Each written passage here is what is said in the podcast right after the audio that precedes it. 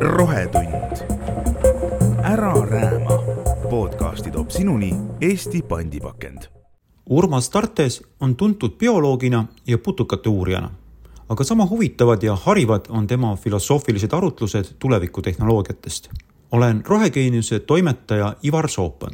meie jutuajamine Urmas Tartesega sai alguse küsimusest, kas praegu tasub üldse nii palju rõhku panna elektriautodele üleminekule või oleks mõttekam jõuda kõigepealt punkti, kus tavatarbimisest üle jääva päikese- ja tuuleenergiaga saab hakata tootma rohevesinikku. see võimaldaks kiiremas korras kasutusele võtta vesinikumootoriga sõidukid. vesiniku tootmine on energiamahukas. seni, kuni vesinikku toodetakse fossiilsest kütusest, on see kallis ja suure keskkonnamõjuga. Aga kui taastuvenergia tootmine ületab igapäevase tarbimise mahu ja energiat jääb üle, tasub sellest toota vesinikku Tartese sõnul on energeetikas pöördepunkt saabunud. taastuvenergeetika on fossiilsel kütusel põhinevast energiatootmisest efektiivsem, lihtsam ja odavam.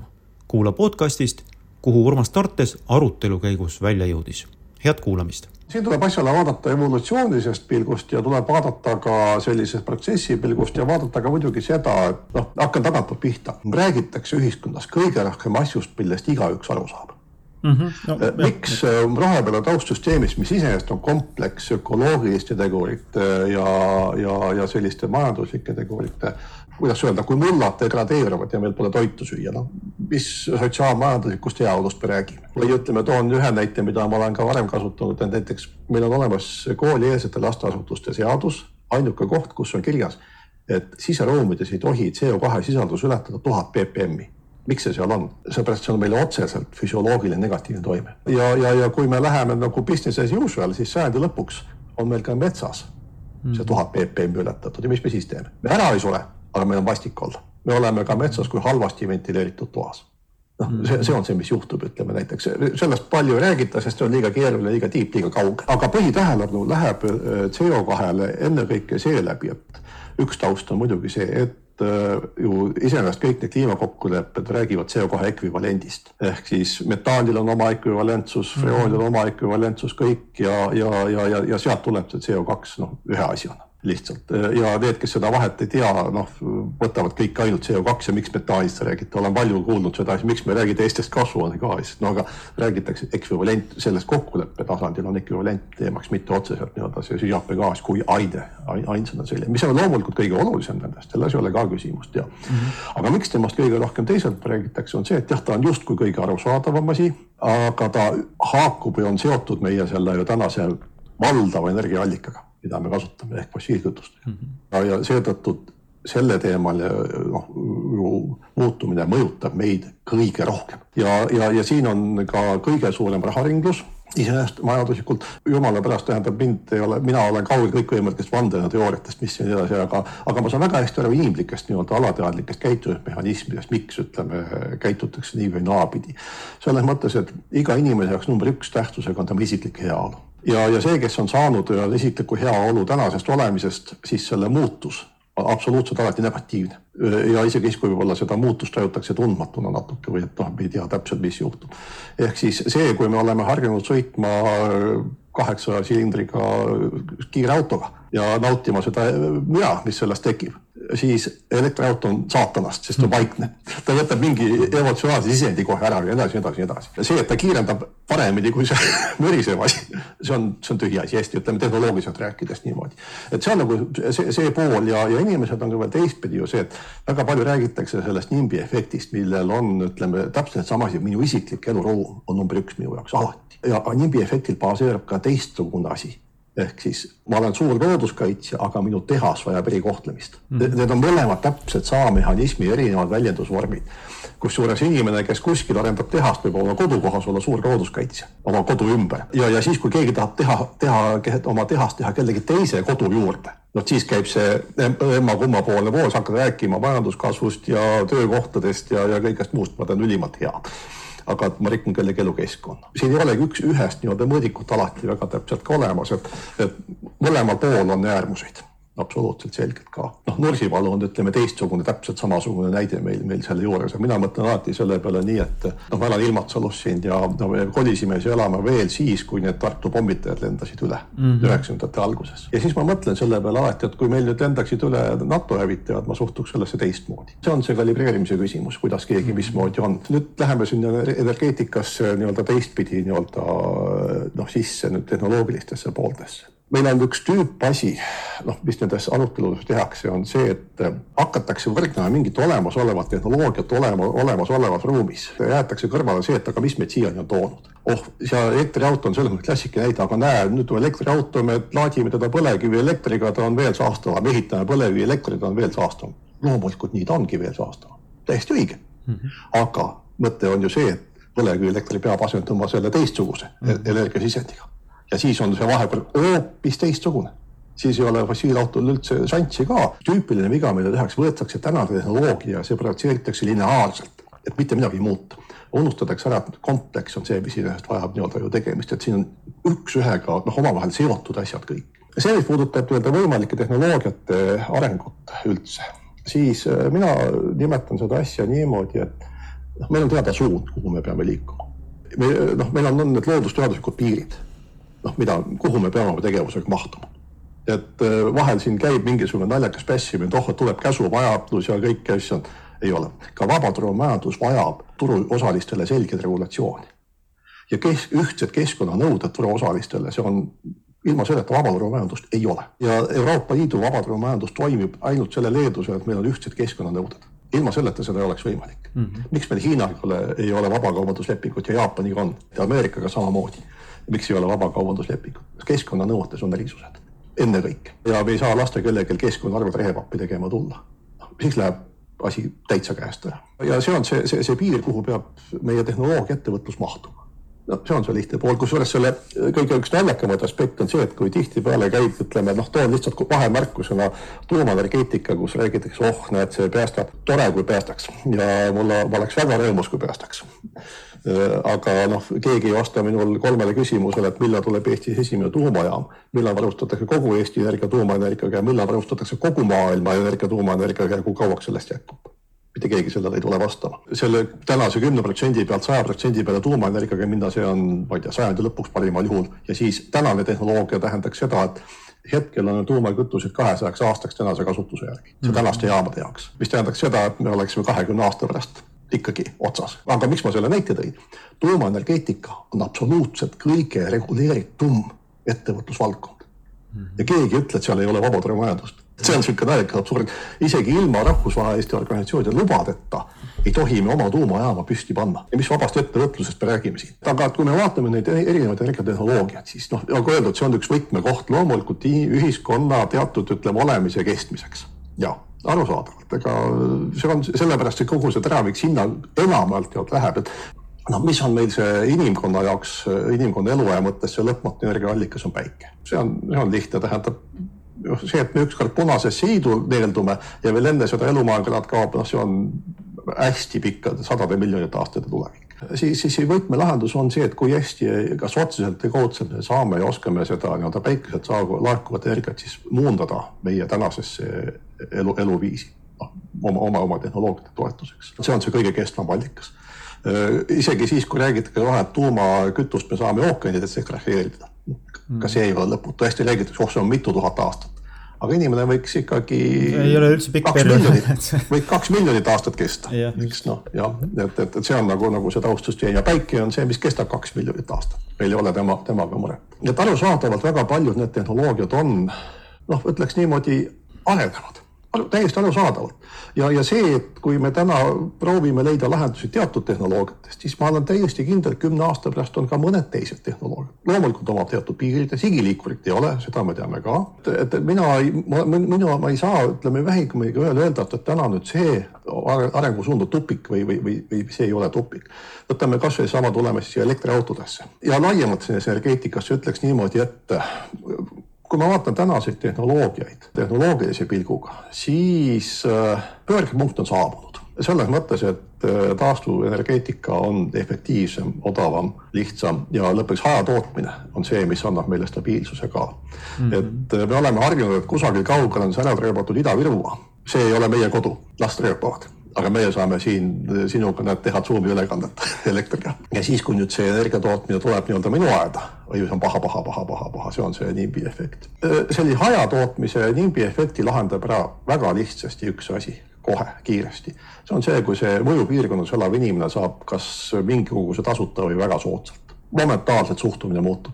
Taanis on seda palju näidatud ja kui see võimalus tekib, siis hakatakse ise tahtma ja isegi seda mõtlemisviisi, et noh, panen päikesepaneelid, hakkan müüma. ei, kui ma oma tarbe suudan lahendada olulises osas, siis see on kõigi jaoks lahendus. see on kõige esimene mõtteviis üldse ka ja kuskile metsa talla tänapäeval keegi enam ei hakkagi mõtlema, et oi, vedage mulle elektriliin sest selleks puudub vajadus.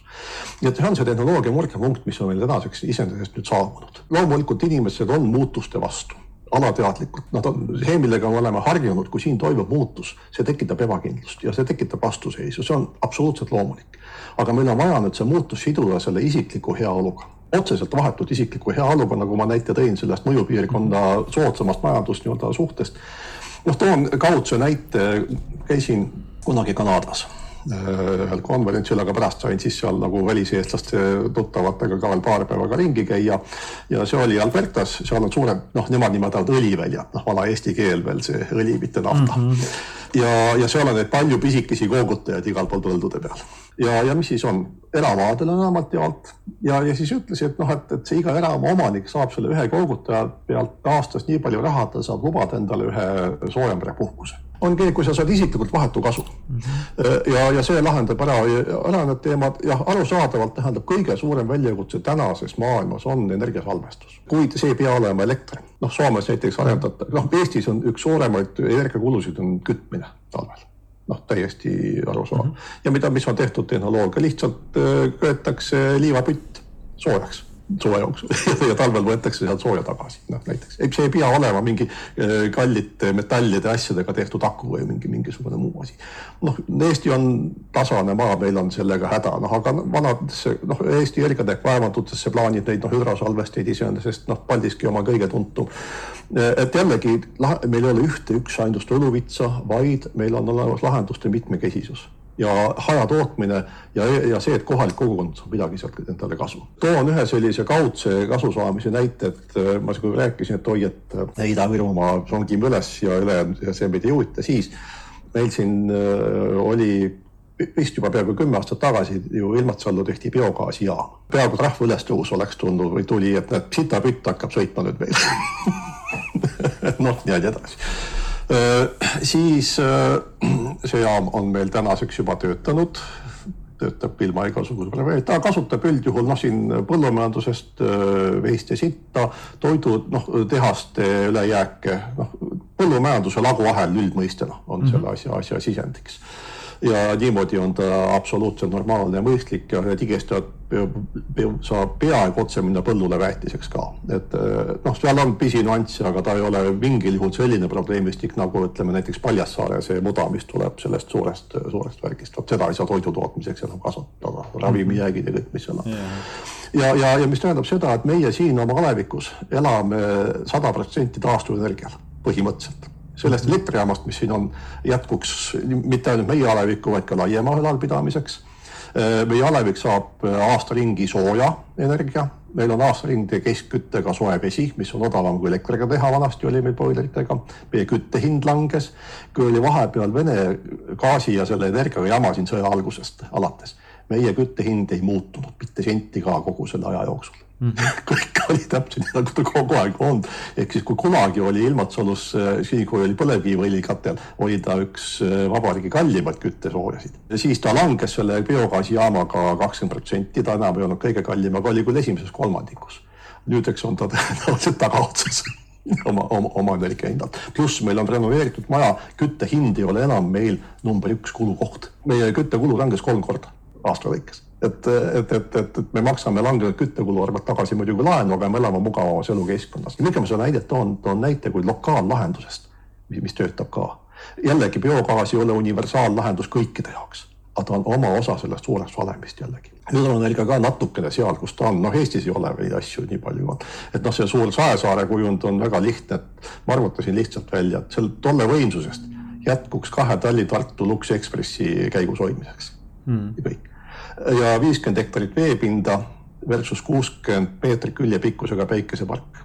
noh, mille, mille üle me üldse siin räägime eks, et Matna üle Eesti unikaalne looduspaik vee alla, selle asemel, mida saaks panna Tartu Lõunakeskusele päikesepaneelid ja jääks üle ka.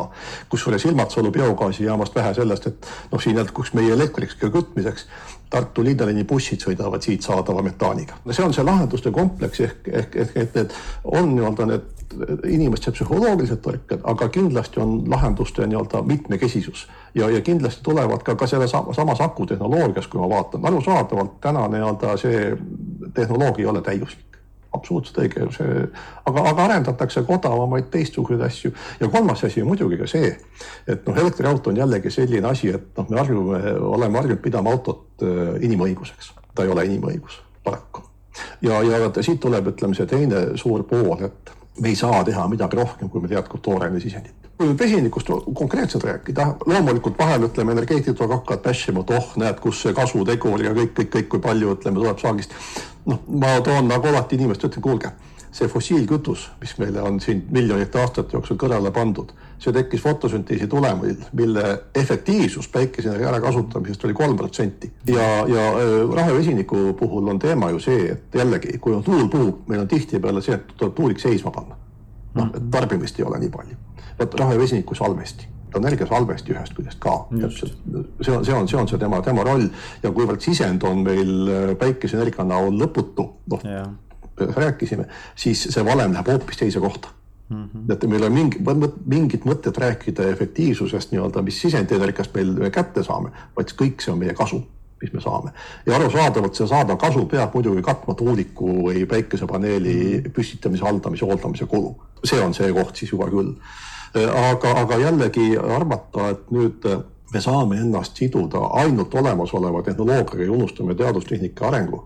biotehnoloogia on üks, üks valdkond, mis kahtlemata kindlasti ka tuleb ja peab tulema, vot sest see on kõige, kõige kiirem tee ainete ringmajandusele. vot see loodusenergeetika on toiminud küll väheefektiivsena, aga toimib efektiivselt seeläbi, et siin on absoluutselt sajaprotsendiline ringmajandus kõik see, mis taimedes kasvab, läheb taas ringesse kohe pärast lagunemist ja pärast toiduahelat. siin ei ole mitte midagi, mis jääks sellest nii-öelda asja, see on, vot siin on üks selline igiliikur tänu päikeseenergiale, mis saadakse mm -hmm. väljast sisse. et kõik need nii-öelda ehituskivid, mis looduses on, on need aminohapped. ega siis ju looduses, kui, kui me sööme, noh, sööme õuna või sööme ädikakärbse siis see, see, see sega meil neid valke, mis seal selles õunas või etikakräpsus on meie seedesüsteemis ei lagundata algaineteks või elementideks, vaid need lagundatakse nendeks nii-öelda bioloogilisteks ehituskivideks, mis on universaalsed kõikides organismides. amiinohapped on universaalsed noh, meil on asendamatud ja hästi, seal on teatud osa, mida me peame süüa ja nii edasi, nukleiinhapped, see, millest tehakse DNA neli nukleotiidi absoluutselt kõikides organismides on see üks ja sama, lihtsalt erinev kombinatsioon annab erineva tulemuse ja, ja nii edasi. rasvhapete hulk, noh mitmekesisus on mingi noh, paar kohad põhimõtteliselt, aga ka need on nii-öelda unifitseeritud ehituskivid, mis on võimalik kas lagundada algosadeni, mida saab juba taaskasutada või siis noh, lähevad siis lõpuks süsihappegaas ja vesi lähevad taimede kaudu tagasi sellesse nii-öelda aine, aineringesse või siis noh, ka toitainete kaudu. et see on see biotehnoloogia suur nii-öelda võimalus ja eelis, mis on võimalik saavutada, arusaadavalt pindalad ja asjad on see, see, see, see kriitiline pool. loomulikult sellest ei taha keegi rääkida, aga ka rohepöörde alusmaterjalides on üks väga selge tingimuslik asi. et kogu edaspidine majanduskasv, kui üldse sellest midagi rääkida saab, saab tulla ainult olemasoleva efektiivsemast kasutamisest ja taaskasutamisest. ekstensiivkasv, noh, see on läbi see saab läbi ka siis, kui me mitte midagi muudaks.